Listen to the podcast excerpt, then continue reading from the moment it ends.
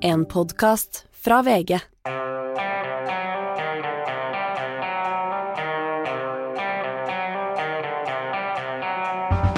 Ikke visste jeg at alle disse dagene som kom og gikk, de var selve uke 23, og det har vært en varm uke her i hovedstaden. Nå er det sommer, eh, Hanne. Nå er det så til de grader sommer er langt opp på 20-tallet, og i dag traff du riktig uke òg, uten å spørre Magne. Ja, ja, ja, ja. Eh, nå skal det jo riktignok sies at jeg sjekka det med Magne etter at jeg først hadde sjekka på internett. Du kan ikke stole på internett, det er så mye fake news og russisk propaganda og sånne ting. Men det vi har lært, vi kan alltid stole på Magne. Vi kan alltid stole på Magne, så jeg har, jo når Magne og internett er enige, da er det riktig. Da er vi på trygg grunn. Da, vi, da står vi fjellstøtt. Ja, eh, varmt og godt, ja. Skogbrannfjære over store deler av eh, Østlandet. Grillforbud er det snakk om. Vanningsforbud. Eh, I eh, Canada brenner skogene slik at hele eh, nordøstkysten av USA er innhyllet i røyk. Men det er koselig med sommer. Ja, her er vi vel alle litt splitta, for vi syns jo det er sjukt det hele kunne gå med liksom sommerkjole og bare armer og Men så er jo bakteppet kan jo være ganske skummelt. Så Ja. er det lov å både være bekymra og glad på en gang?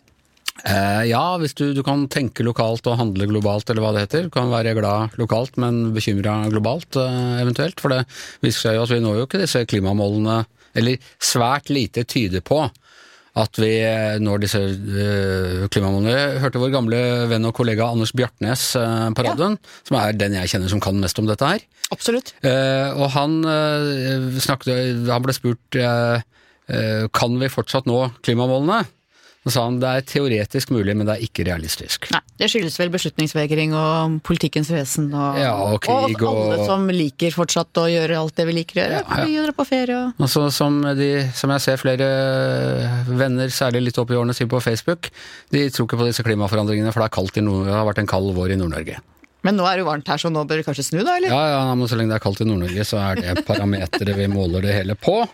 Uh, ok, um, andre uh, nyheter. Dramatisk uh, nyhet i går om en ung gutt på Bøler, var det vel, i Oslo, som hadde laget et eller annet stoff som var så farlig at han, han hadde fått det på seg og ringt politiet selv skrekkslagen og er nå sitter arrestert, eh, så vidt jeg vet. Og det har ikke vært offentliggjort hva dette stoffet er, eller hvorfor politiet er så redde for det han har gjort. Nei, dette er en sak jeg tror vi kommer til å følge med på alle. Det, er, eh, det kan være en rysere der. Ja. Vi vet jo ikke. Nei, eh, det kan være det. Altså, det er nesten enda mer skummelt når man ikke vet hva det er, men det er mye skumle ting som kan lages med enkle kjemisett på gutteværelset, så så det får vi se.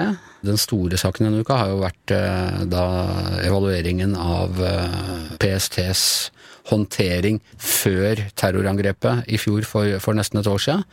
Og det er til å få déjà vu av, eh, Hanne. Ja, det er en knusende rapport, og det er igjen hemmelige tjenester som ikke gjør som de skal, ressurser som ikke finner hverandre, ikke nok kommunikasjon, ikke deling av informasjon, blindsoner. Eh, den rapporten er knusende. Ja, og en voldsom sånn arroganse i å tro at man selv har oversikten og alle andre er inne. innad Altså, kan det virke som det er et kulturproblem innad i eh, Politiets sikkerhetstjeneste, dette her? Absolutt, og motsetningen mellom E-tjenesten og PST. Noe av svakheten med den rapporten er at E-tjenesten ikke er gransket, ikke en del av granskingen. Men det vi vet, er at PST-folka stolte ikke helt på den informasjonen de fikk om at Arfan Bhatti var involvert, så de prøvde i de dagene etter at de hadde fått beskjed eller fått informasjon om Bhatti, så prøvde de å finne om det kunne være noe andre enn Bhatti, istedenfor å granske kretsen rundt Arfan Bhatti. Ja, fordi Arfan Bhatti var da altså ikke i Norge selv? selv, Pakistan. Eh, men de hadde ikke tatt hensyn til f.eks. dette at han hadde lagt ut et bilde av et brennende pride-flagg. Ja, det fikk de jo altså dagen før, og da satt det masse mennesker i et rom og så på den Facebook-posten, og klarte ikke å koble til at i morgen er det jo pride, folkens. Kan dette være noe vi må passe ekstra på? Ja, nei, det er, eh, det er jo jeg, jeg må si at er det noe jeg skjønner, så er det den eh, fortvilelsen og frykten i mange skeive eh, miljøer over dette her. At man Altså, det er ikke det at ikke angrepet i seg selv er blitt tatt på alvor, men samtidig har du liksom en sånn voldsom eh, diskusjon med, med er, går, går pride for langt? Skal vi tillate prideflagg? Alt. Selv det har du nå liksom et år etter et terrorangrep hvor, hvor to mennesker ble drept. Ja, og det som er alvorlig i rapporten, som jeg skriver litt om til i morgen, er at den slår jo fast at denne avlysninga av arrangementet på Rådhusplassen 27., altså to dager etter angrepet, som ble avlyst. Det sier, slår de fast at det er brudd både med Grunnlovens bestemmelse om forsamlingsfrihet og ytringsfrihet, og om Europeiske menneskerettighetens konvensjon om det samme. Og de sier også at det er diskriminerende at man avlyste dette arrangementet, men ikke fotballkamp og konsert. Altså det, og det er tydelig også, som vi snakket om med dette pride-flagget på Facebook-posten til Arfan Bhatti, at det må være en noen slags blindsoner hvor man rett og slett ikke bare ser trusselen mot de skeive. Det Men, men samtidig, så, dette åpner også for et paradoks, og jeg mener som man kan skjønne at det er, er et problem. Hvis man da hadde tatt øh, denne trusselen fra Arfan Bhatti på alvor øh, dagen før, hva skulle man da ha gjort? Byen var allerede full av øh, mennesker som eh, feiret. Eh, Og hvis man da ikke kan avlyse tog eller eh, avlyse arrangementer, eh, så blir det jo litt sånn gærent uansett hva man gjør. Ja, De avlyste jo 25. selve Pride-paraden, og det er, det er rapporten helt klar på at det var både innenfor lov og regler og innenfor forholdsmessighet og helt riktig å gjøre. Ja. Så det som er spørsmålet er to dager seinere, hvor de ikke For Pride-paraden var jo det de kaller et dynamisk arrangement hvor folk går gjennom gatene og vanskelig å holde oversikt, mens det som skulle skje på Rådhusplassen var det de kaller et statisk arrangement, hvor det er lettere å holde oversikt. Og hvor Oslo-politiet mente at dette skulle de klare. Så kom det en En ordre nærmest ja. fra politidirektøren om å avlyse det, uten at hun kjente til hva Oslo-politiet faktisk hadde gjort for å forberede og sikre dette. Ja, ja. Så Oslo-politimester var uenig Samtidig så jeg skjønner litt da, altså rett etter et sånt eh, terrorangrep og, og masse mennesker ute i gatene, det er umulig å ha den fullstendige kontrollen. Akkurat den må jeg si at jeg kan skjønne politiet litt av. Det er mulig det var galt i ettertid, men jeg synes det er adskillig verre det de ikke gjorde i forkant enn det de gjorde i ettertid. Det som jeg har prøvd å finne ut av nå, er i hvilken grad man, når man tok de avgjørelsene, både hvem som var med på det, men om man da vektla hensyn til forsamlingsfrihet og ytringsfrihet. Så kan det godt hende at, at det er riktig beslutning, det er ikke godt å si, men man må i hvert fall reise det som hensyn. Det må veies hensyn mot hverandre. Det skal ganske mye til for å avlyse et arrangement som da handler om en ytring, forsamling, en slags politisk markering, mens både fotballkamper og rockekonserter det er jo mer underholdning og mindre på en måte symboltungt. Men hva tenker du at man kunne gjort i forkant uh, her, da? For man, man hadde, altså Ja, man visste at noen gærne islamister, unnskyld uttrykket, kanskje planla et eller annet, men det var jo ingenting som sa hva det, hvor det skulle skje, eller Men de visste at eh, skeive miljøer var et mål. De visste, Og skeive miljøer var da preget hele Oslo sentrum eh, den helgen. jo, men husk på at de fikk jo øh, De fikk varsel fra E-tjenesten PST flere dager i forveien. PST, E-tjenesten ba til og med om et møte med PST for å orientere om hva det var. Angrep som var nært forestående. Arfan Bhatti var sannsynligvis involvert. Og, det, og da ikke liksom Istedenfor å, å kartlegge kretsen rundt Bhatti, overvåke, avverge tiltak, som de sier, forebyggende etterforskning, som det er ganske lav terskel for å gjøre. De gjorde ikke noe av det. Nei, Vi vet jo også at han, han eh, som da er siktet for hele saken, de hadde jo egentlig oversikt over han. Ja. Såpass mye at han, han hadde invitert Politiets sikkerhetstjeneste hjem på middag bare noen ja, det er vel snakk om uker tidligere. Det hadde de ikke kunnet gjøre, for det var i påsken, og da skulle de ha fri. Men eh, han kom ikke bare inn fra kulden eller eh, fra det ukjente, han. Nei, og De visste jo også at han og Bhatti var nære, hadde gode venner. og Stanset de to sammen en stund i forveien i en bil eh, med kniver. altså De hadde veldig kål på han Matapour. Ja. Sånn at det er alt det som ikke skjedde i forkant, det er nok det mest alvorlige her. Ja. Du, andre ting som eh, særlig du og jeg og, og Per Ola, som vi skal snakke med, med etterpå, eh, er opptatt av, det er selvfølgelig nå at nå skal Trump for retten. eh, rett og slett. Nå, han er tiltalt for å ha tatt med seg hemmelige dokumenter. ut av Det hvite hus, hjem til Mar-a-Lago, hatt det i utrygge omgivelser, altså i partyområdet sitt på, på Mar-a-Lago. Skrytt åpenlyst av at han har tatt dem med seg. Hevdet selv at han har nedgradert dem i, delvis i hodet sitt. Dette var jeg, så det går ikke an å snakke om Trump uten å le litt. Har, en president har rett til å nedgradere dokumenter i hodet sitt, og da er de eh, blup, magisk eh, eh, nedgradert. Og eh, det er første gangen eh, amerikansk eh, ekspresident stilles for en føderal domstol. Det er det. Ja. Men det er jo en heksejakt, Anders. Du må ikke glemme Det det. er en heksejakt, og den starta ikke med dette. For det har jo vært to riksrettssaker, og han er jo dømt for da Han er dømt for seksuelt misbruk, eh, rett og slett. Og det er altså Tror du ikke han bare rister av seg dette her òg? Jo, og det, som- det, jeg tenker Jeg blir ikke så sjokkert over Trump lenger. Ja, han er som. Men det som er sjokkerende og veldig deprimerende, er at han har så mange republikanere bak seg, og har det republikanske parti i sin hule hånd, selv etter alt det som har skjedd. Ja, Skal snakke litt med Per Olav etterpå om hvor hul den hånden er. Nå er det jo kommet eh, oppsiktsvekkende mange eh, eh, kandidater mot ham. Spørsmålet er om de har, eh, har noen som helst eh, innvirkning. Men, men, det er klart at eh, han, han, har klart å eh, Altså, det republikanske partiet som var før Trump, det fins nesten ikke lenger. Jeg tenker at det eneste som kan skje, er hvis en av disse kandidatene ja, Chris Christie f.eks.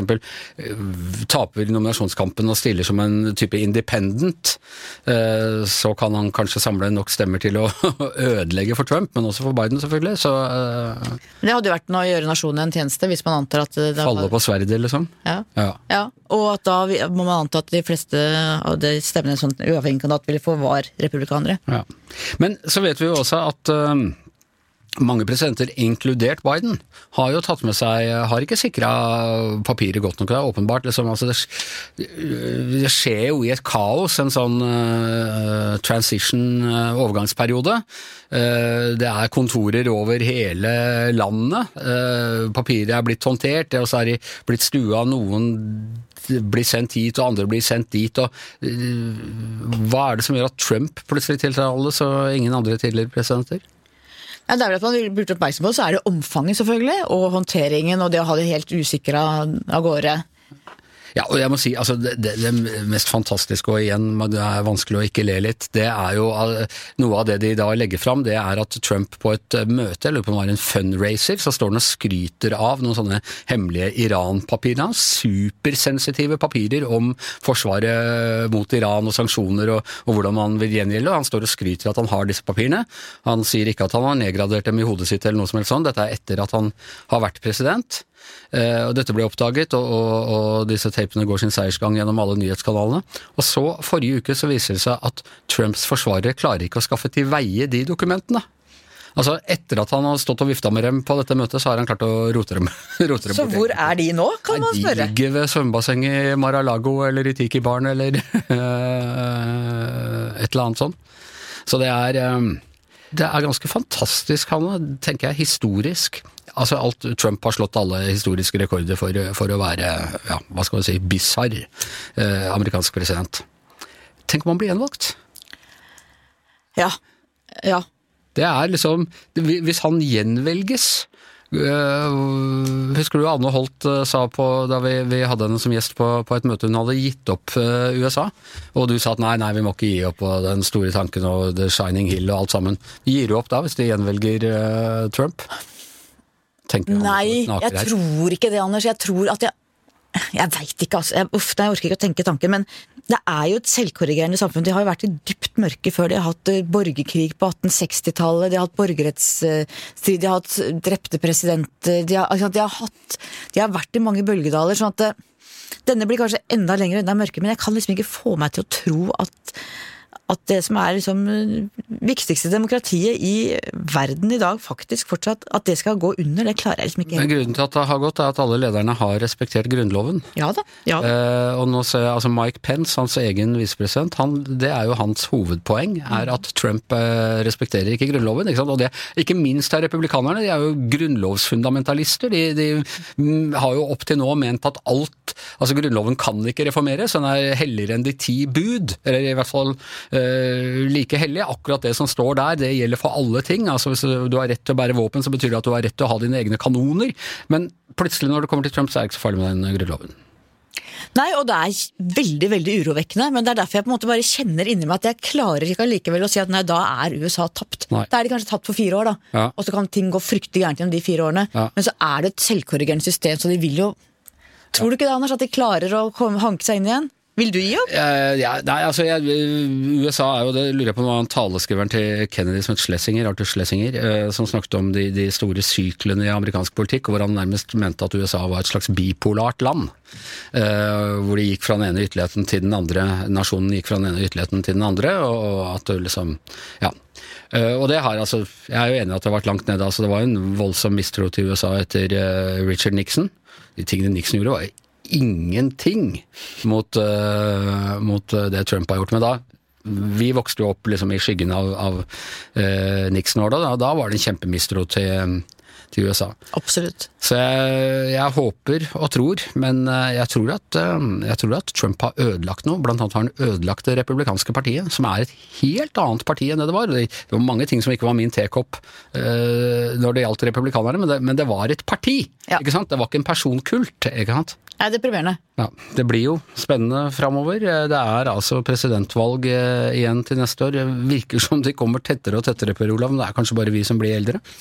ja, det er, virker ikke lenge siden sist. Nei, det gjør ikke det. det, gjør ikke det. Men så starter de jo i, man må si, relativt god tid. Ja, det er nettopp det. Det er, nettopp det. Det er jo ennå lenge til de første primærvalgene, først i vinter. Ja, ja. Og, så avgjør de jo ofte ikke, blir jo ofte ikke avgjort før ut i mai-juni, hvem som blir eh, Eller før det blir klart hvem som er eh, kandidaten. Det er sant. Men samtidig så er det jo de første debattene mellom kandidatene. De kommer jo nå i høst, og de er jo allerede godt i gang med å drive valgkamp rundt om eh, i de delstatene hvor det først skal være valgmøter eller nominasjonsvalg. Ja, og En stund så så det ut som at det var bare helt opplagt at eh, Donald Trump skulle bli eh, republikanernes eh, presidentkandidat. Ingen turte å utfordre ham engang. De er så redd for å de er så redd for å bli driti ut av Trump, rett og slett, tror jeg. Virker, virker det som. At man, man men nå eh, tyter det ut av treverket den ene kandidaten eh, etter den andre. og vi snakket jo så vidt om det forrige uke, men altså nå er det klart at Mike Pence, uh, hans egen visepresidentkandidat, stiller mot Trump og gikk ut med ganske kraftig kritikk og ga Trump ansvaret for uh, det som skjedde 6.1 i 2021, stormen på Kongressen. Ja, og noen av disse tingene har han jo også sagt uh, før, men han var jo veldig tydelig i den uh, talen uh, sin her i går om at eller tidligere i uken, at, altså at han selv fikk det der umulige valget. Han måtte velge mellom Det var ikke umulig valg, men han fikk det valget mellom ja. å velge mellom konstitusjonen og Trump, og han valgte konstitusjonen. Og han sa også at Trump var Uh, uegnet til å være president, uh, fordi han hadde da satt uh, seg selv over den amerikanske grunnloven. Han mente at Trump var da egnet fram til det tidspunktet han gjorde det, hvis jeg da skjønner Pence riktig om at han har klart å være visepresidenten hans Det er kanskje et av hans største problemer også, at han på en måte til de grader var en lojal mann i Trump-administrasjonen, og, og, så da bryter med han og sier at han plutselig ikke er egnet. Men jeg tror jo 6. januar var det øyeblikket da dette forandret seg fullstendig for ham.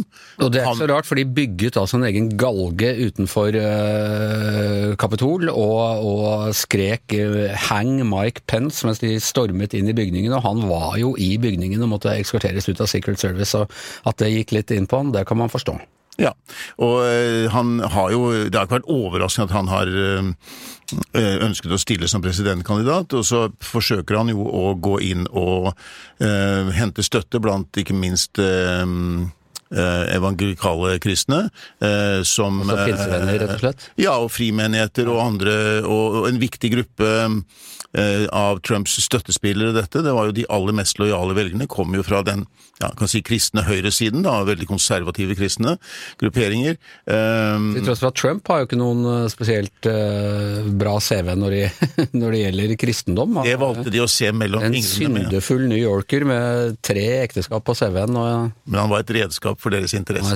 Og det var f.eks. dette med Israel, støtte til Israel og, og, og streng abortlov og konservative dommer i Høyesterett. Guds veier er uransakelige.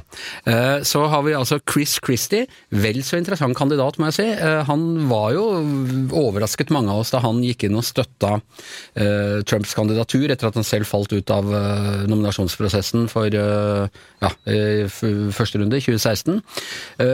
egentlig ganske altså, pragmatisk, litt sånn Tony Soprano-aktig tidligere guvernør fra, fra, New Jersey, men som også visste samarbeida godt med Obama. og Egentlig en sånn ja, en pragmatisk republikaner i utgangspunktet. Sentrumspolitiker på mange måter en som kunne samarbeide både til høyre og venstre. Litt, litt uvanlig i dagens uh, amerikanske politiske miljø, klima. Men uh, Uh, han var jo uh, den, er den første sentrale republikaner som egentlig støttet Trump da i 2016. Og han hadde en viktig rolle også i den overgangsperioden. Han ledet den ledet arbeidet med ja. å forberede den nye administrasjonen. Og så har de altså kommet fullstendig på kant. Og det skjedde før eh, 6. januar eh, i 2021. Altså, eh, Christie tok det oppgjøret med Trump lenge før den tiden, og han er utvilsomt den skarpeste kritikeren til Trump i, i, i gruppen av republikanske kandidater. Han, eh, han sa jo at eh, Han kalte jo Trump her når han hadde sitt, eh, sin lansering eh, for en bitter og sint mann. Han sa at han var en mislykket president, og han han er utvilsomt den som Om han ikke klarer å vinne nominasjonen selv, så er han i hvert fall opptatt av å gjøre det svært vanskelig for Trump å Ja. Har kalt. Trump en, en feiging og en Putin-marionett også. Så det er, Ja, det er sterke ord, og det er, det er hans mission i denne valgkampen, åpenbart. Ja. Eh, vi rekker ikke å gå gjennom alle. Det er altså Politico har eh, ramsa opp 1, 2, 3, 4, 5, 6, 7, 8, 9, 10. Eh, Ron DeSantis har vi prata eh, mye om, og så er det altså hans eh, egen Nikki Haley, hans egen tidligere eh, Trumps egen tidligere FN-ambassadør. Eh, denne uka så dukket det også opp en, og nå må jeg bare ta for han kommer fra Nord-Dakota, det er en av de anførselstegn norske statene, og han heter Doug Burgum. Ja. Er det en nordmann vi nå kan få på Eller av norsk at? Rett før sending så prøvde jeg å finne ut dette her. Han har jo selvfølgelig stilt opp i alle disse Norsk høstfest og alle disse eh, sammen. Han er jo guvernør i Nord-Dakota, og er jo med på alle eh, Dette er jo den staten som virkelig nordmenn har gjort seg gjeldende. eh, Bosatte seg der tidlig. Selv kom jo Bulgum fra en sånn gård.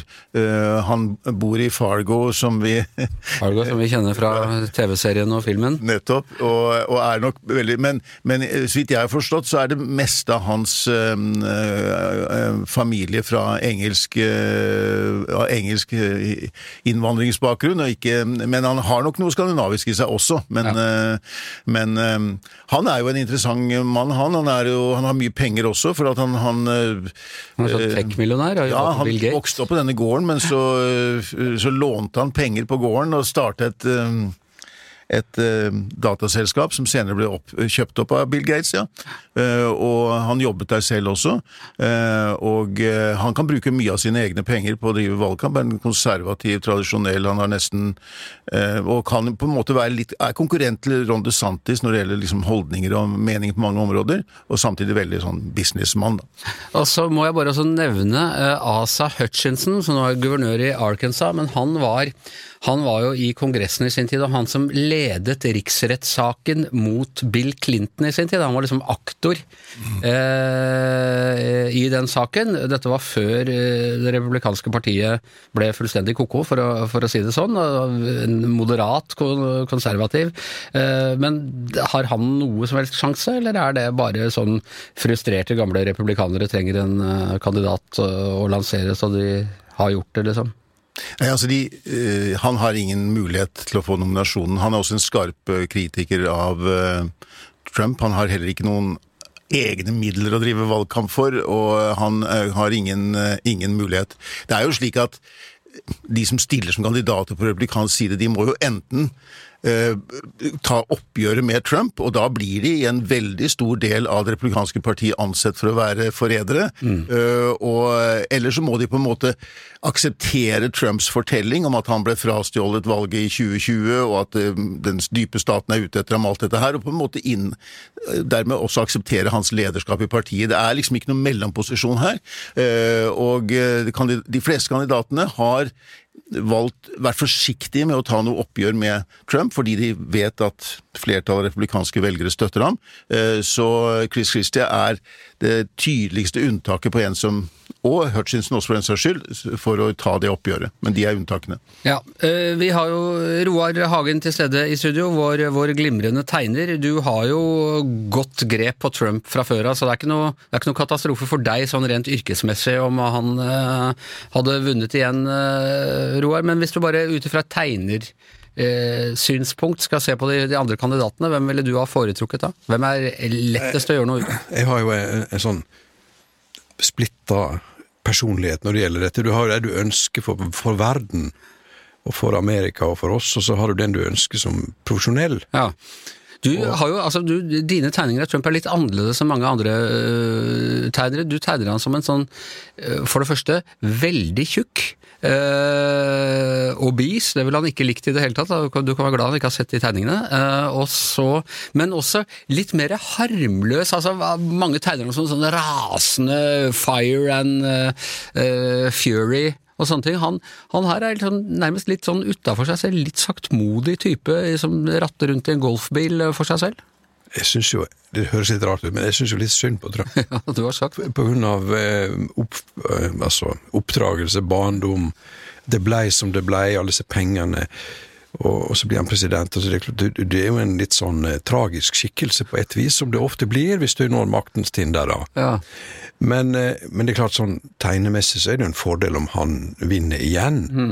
Eh, og den neste kandidaten på min liste måtte jo være Christie, som du nevnte, som har dette eh, mafia, eh, sopranos ytre, som, som vil være helt fantastisk. Og Nikki Haley vil også være bra. Og, og må også legge til Christie, han er jo også god og rund, øh, og rare klare fysiske attributter, for å si det sånn. Det kan godt hende at Mike Pence er den mest anstendige, men det vil jo være en nedtur. Ja.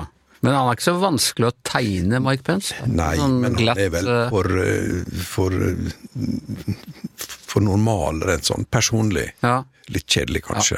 Litt mindre rynkete utgave av Joe Biden. Ja, litt sånn forsikringsmann som eh, Ja. pensjonerer seg snart. Ja. Hva tenker du om Nikki Haley, eneste kvinnen? Jo, jeg synes, hun er jo utrolig spennende, da. Og, eh, og en moderne kvinneskikkelse, og veldig karakteristisk eh, hår og, og, og eh, framtoning. Så, og modig, må jeg nå kunne si.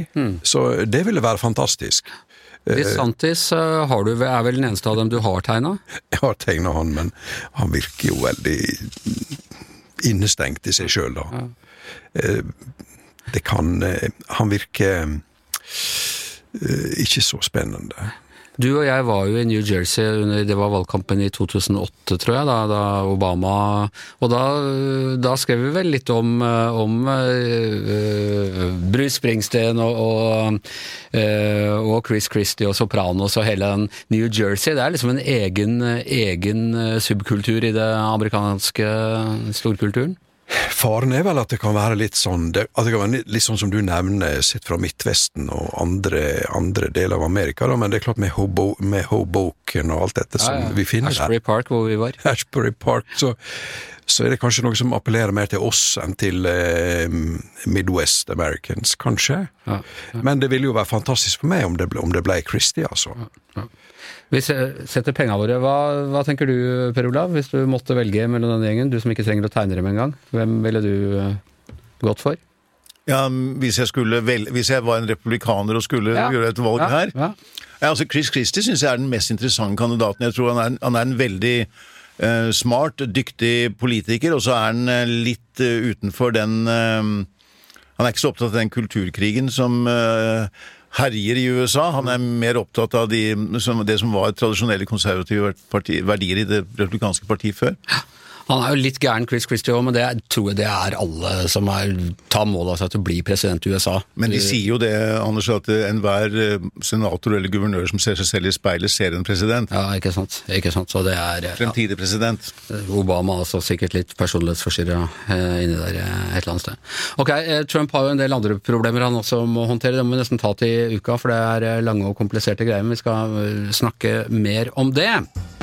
Eh, Her hjemme, og litt nærmere frem i tid, så går vi inn i eh, Sier vi tidenes sportshelg eller årets sportshelg, Leif? kommer litt an på hvilket eh, parameter du ligger til, legger til grunn, men hvis du ser på den internasjonale arenaen og nordmenn i hovedrollen, så skal det godt gjøres å toppe den kombinasjonen som vi har på gang denne helgen. Fordi, fortell. Nei, altså for, for det første så har du altså en Champions League-finale med Erling Braut Haaland i en hovedrolle hvor Manchester City er eh, kanskje tidenes favoritter mot Inter. I 1999 så avgjorde Ole Gunnar Solskjær eh, Champions League-finalen for Manchester United. Da kom kom inn på slutten, var sånn, og da var det sånn kjempesjokk i hele nasjonen. Nå er det jo nesten sånn at vi omtrent forventer at Haaland skal spille hovedrollen i en Champions eh, League-finale etter en helt uvirkelig sesong. Men i tillegg så er det altså Kasper Ruud som sent onsdag kveld eh, tok seg til eh, semifinalen i French Open på Roland Garros i, Paris, hvor han slo danske Holger Rune.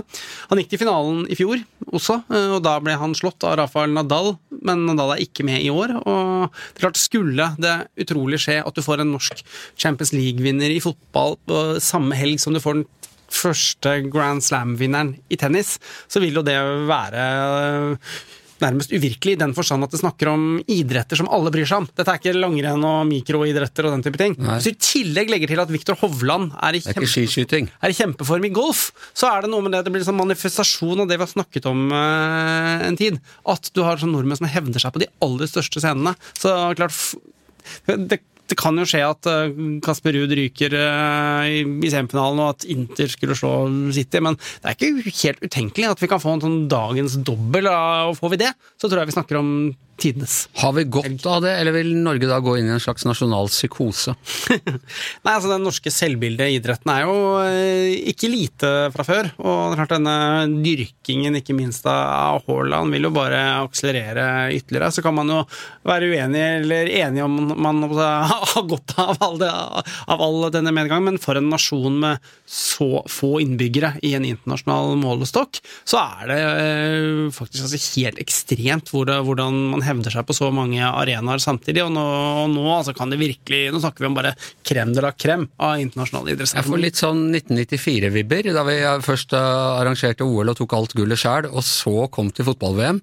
Og da fikk vi en sånn hybris som gjorde at vi sa nei til eh, Det virker kanskje ikke så rart i dag, men altså på den tiden, rett etter murens fall og alt sammen, så sa vi altså nei til EU. Så jeg er ikke helt sikker på om nordmenn har helt godt av så mye medgang på Samtidig er vi nå der at når det gjelder fotballandslaget, da, så har det altså gått øh, Ja, og fotball-VM var jo også ja. Men siden den tid da, så har vi ikke vært et internasjonalt mesterskap med fotballandslaget siden 2000. Og andre nasjoner som ikke har klart det, er de aller minste miniputtene. Så det er ikke sånn at vi lykkes på absolutt alle bauger og kanter, men i Erling Braut Haaland, Kasper Ruud, Viktor Hovland, Martin Ødegaard osv. Så, videre, så har vi altså noen, noen, noen internasjonale toppnavn på et uh, nivå som er interessant når det handler om altså, helt andre ting enn uh, idretter som du trenger snø og kuldegrader for å, for å kunne lykkes i. Og også i friidrett. Også i friidrett, ikke minst. Ja. Ja, Warholm Ingebrigtsen. Altså det er De må nevnes, de òg. Definitivt. Det er, eh, det, er, det, det, det er rett og slett artig å være norsk og idrettsinteressert om dagen. Men vi har jo en avtale om hva vi alltid skal snakke om når vi snakker om Braut Haaland i, dette studio.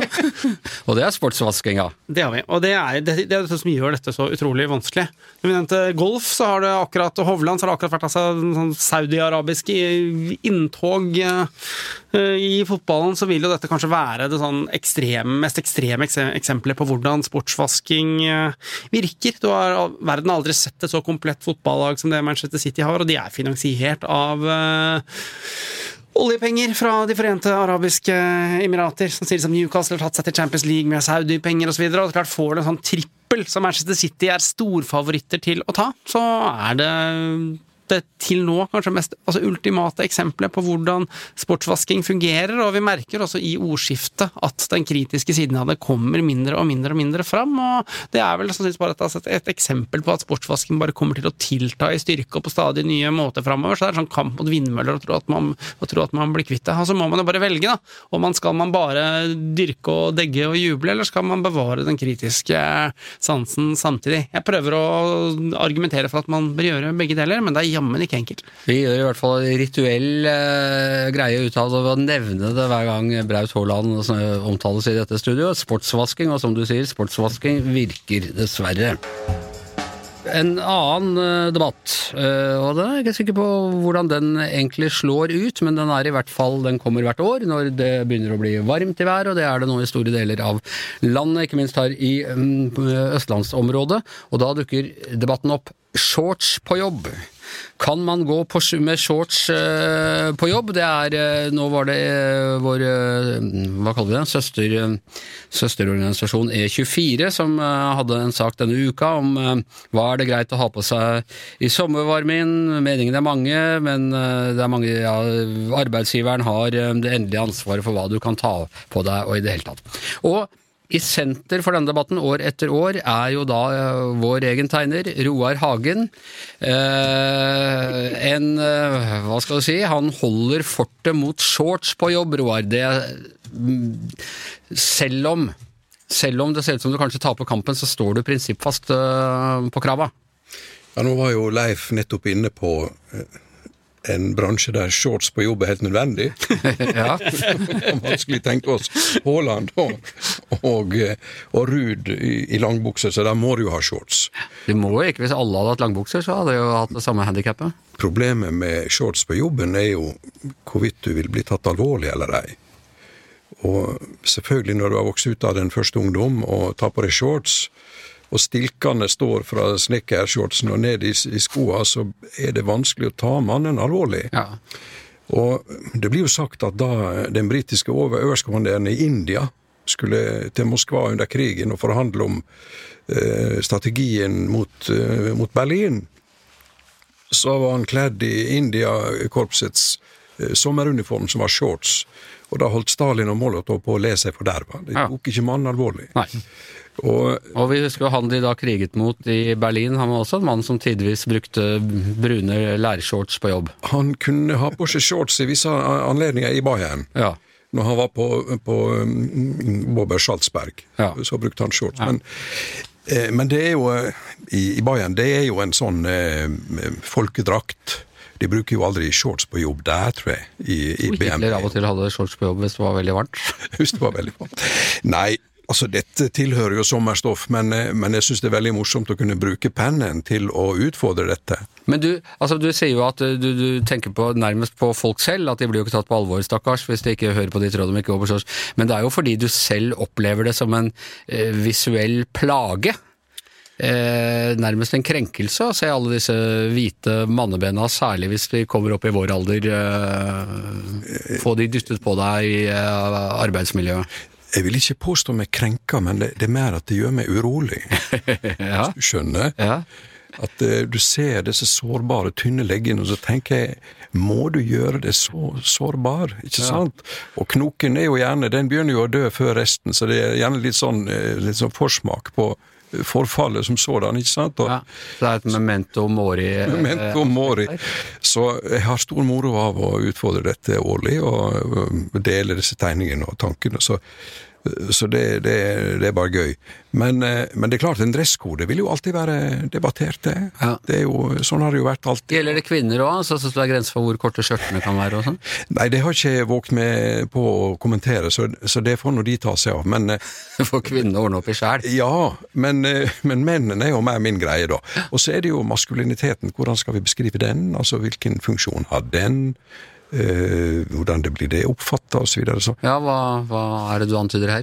Det, det, det som jeg sa, disse folka som Leif snakker om, de får jo ikke redusert sin troverdighet om de, de Tvert imot, de må jo ha, men, men på vår alder, for eksempel, Ja. kan jo være en katastrofe. Gamle redaktør Hasselknippe, en legendarisk redaktør her i VG, som var, eh, var med helt fra, fra grunnleggelsen i 1945, han, ville jo ikke, han lot jo ikke medarbeideren gå med T-skjorte. Han ville ikke ha medarbeidere som gikk rundt i undertøy på jobb, som han sa.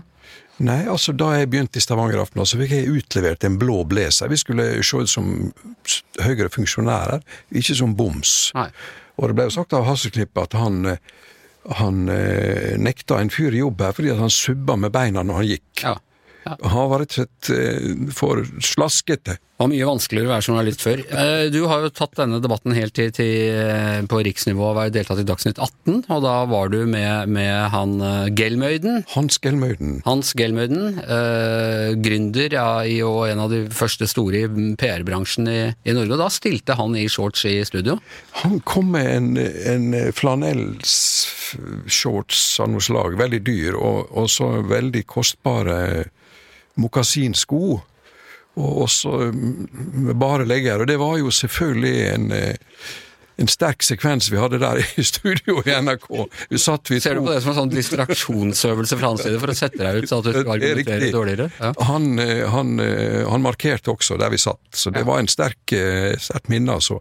Og han har jo heller ikke glemt det. Nei. Så eh, der satt vi da og skulle forsvare hver vår kroppskultur, ikke sant? Og hadde jo selvfølgelig moro av det. Ja. Det må også sies at her på kommentaravdelingen, vi var i i Israel og Palestina for noen år siden, da har vi et veldig fint bilde av Roar som står utenfor Getsemane, altså hagen hvor, eh, hvor Jesus hadde den siste nattverd med sine disipler, og der står det et stort, strengt skilt hvor det står 'No shorts'. Så noen har du i hvert fall på din side, Roar. Jeg vil tro at jeg har størsteparten av verdens befolkning på min side. okay. Men det var fint å oppleve det i Getsemane, absolutt. Ja. Ok, det nærmer seg slutten, Hanne, men eh, det er jo ikke slutten på podkaster fra leder- og kommentaravdelingen i VG denne uka. På ingen måte. Nei, for du har en ny podkast i morgen. Yes. Ja. Og hvem er det du snakker med da? Inga Strumke, som er en ung og veldig veldig flink eh, kunstig intelligensekspert. Hun forsker på NTNU i Trondheim, har doktorgrad i partikkelfysikk, og er, har skrevet en bok om kunstig intelligens, og er veldig smart, og jeg syns veldig morsom å høre på. Tar du og driver henne fra skanse til skanse på partikkelfysikk, eller for Ja, ja, absolutt. Nei, dette henger jo ikke på greip, Strumke. Men, eh, nei, men eh, dere, vi snakket jo litt om det akkurat før vi starta opptaket her, og, og Magne kom med et sitat fra noe hun sa som eh, jeg eh, kjente en slags lettelse over. Ja, at det er globale trusler, det er, hun er mye mer redd for klimakrise og andre ting enn eh, kunstig intelligens. Ja, og at det ikke er, liksom, er å sammenligne med atom, selv om det har sine uh, utfordringer, så er det ikke å sammenligne med atombomber eller uh, hungersnød, liksom. Nei. Nei. Så vi håper hun har rett i det. Vi håper hun har rett i det. Vi sier at hun har rett i det. Hun Jeg er litt urolig der òg, vet du. Ja, du syns jo ikke hun var god nok på partikkelfysikken, så kan hun jo ta feil om dette òg. Det var bare tull, altså. Eh, og når vi har kommet i sånn tullehumør, da er det på tide å runde av. Gjever og gjengen er over for denne uka. Tusen takk til Hanne Skartveit, Per Olav Ødegaard, Leif Welhaven, Roar Hagen. Jeg heter Anders Gjever, og mannen som tydeligvis gir blaffen i shortsforbudet til Roar Hagen, er vår produsent Magne Antonsen.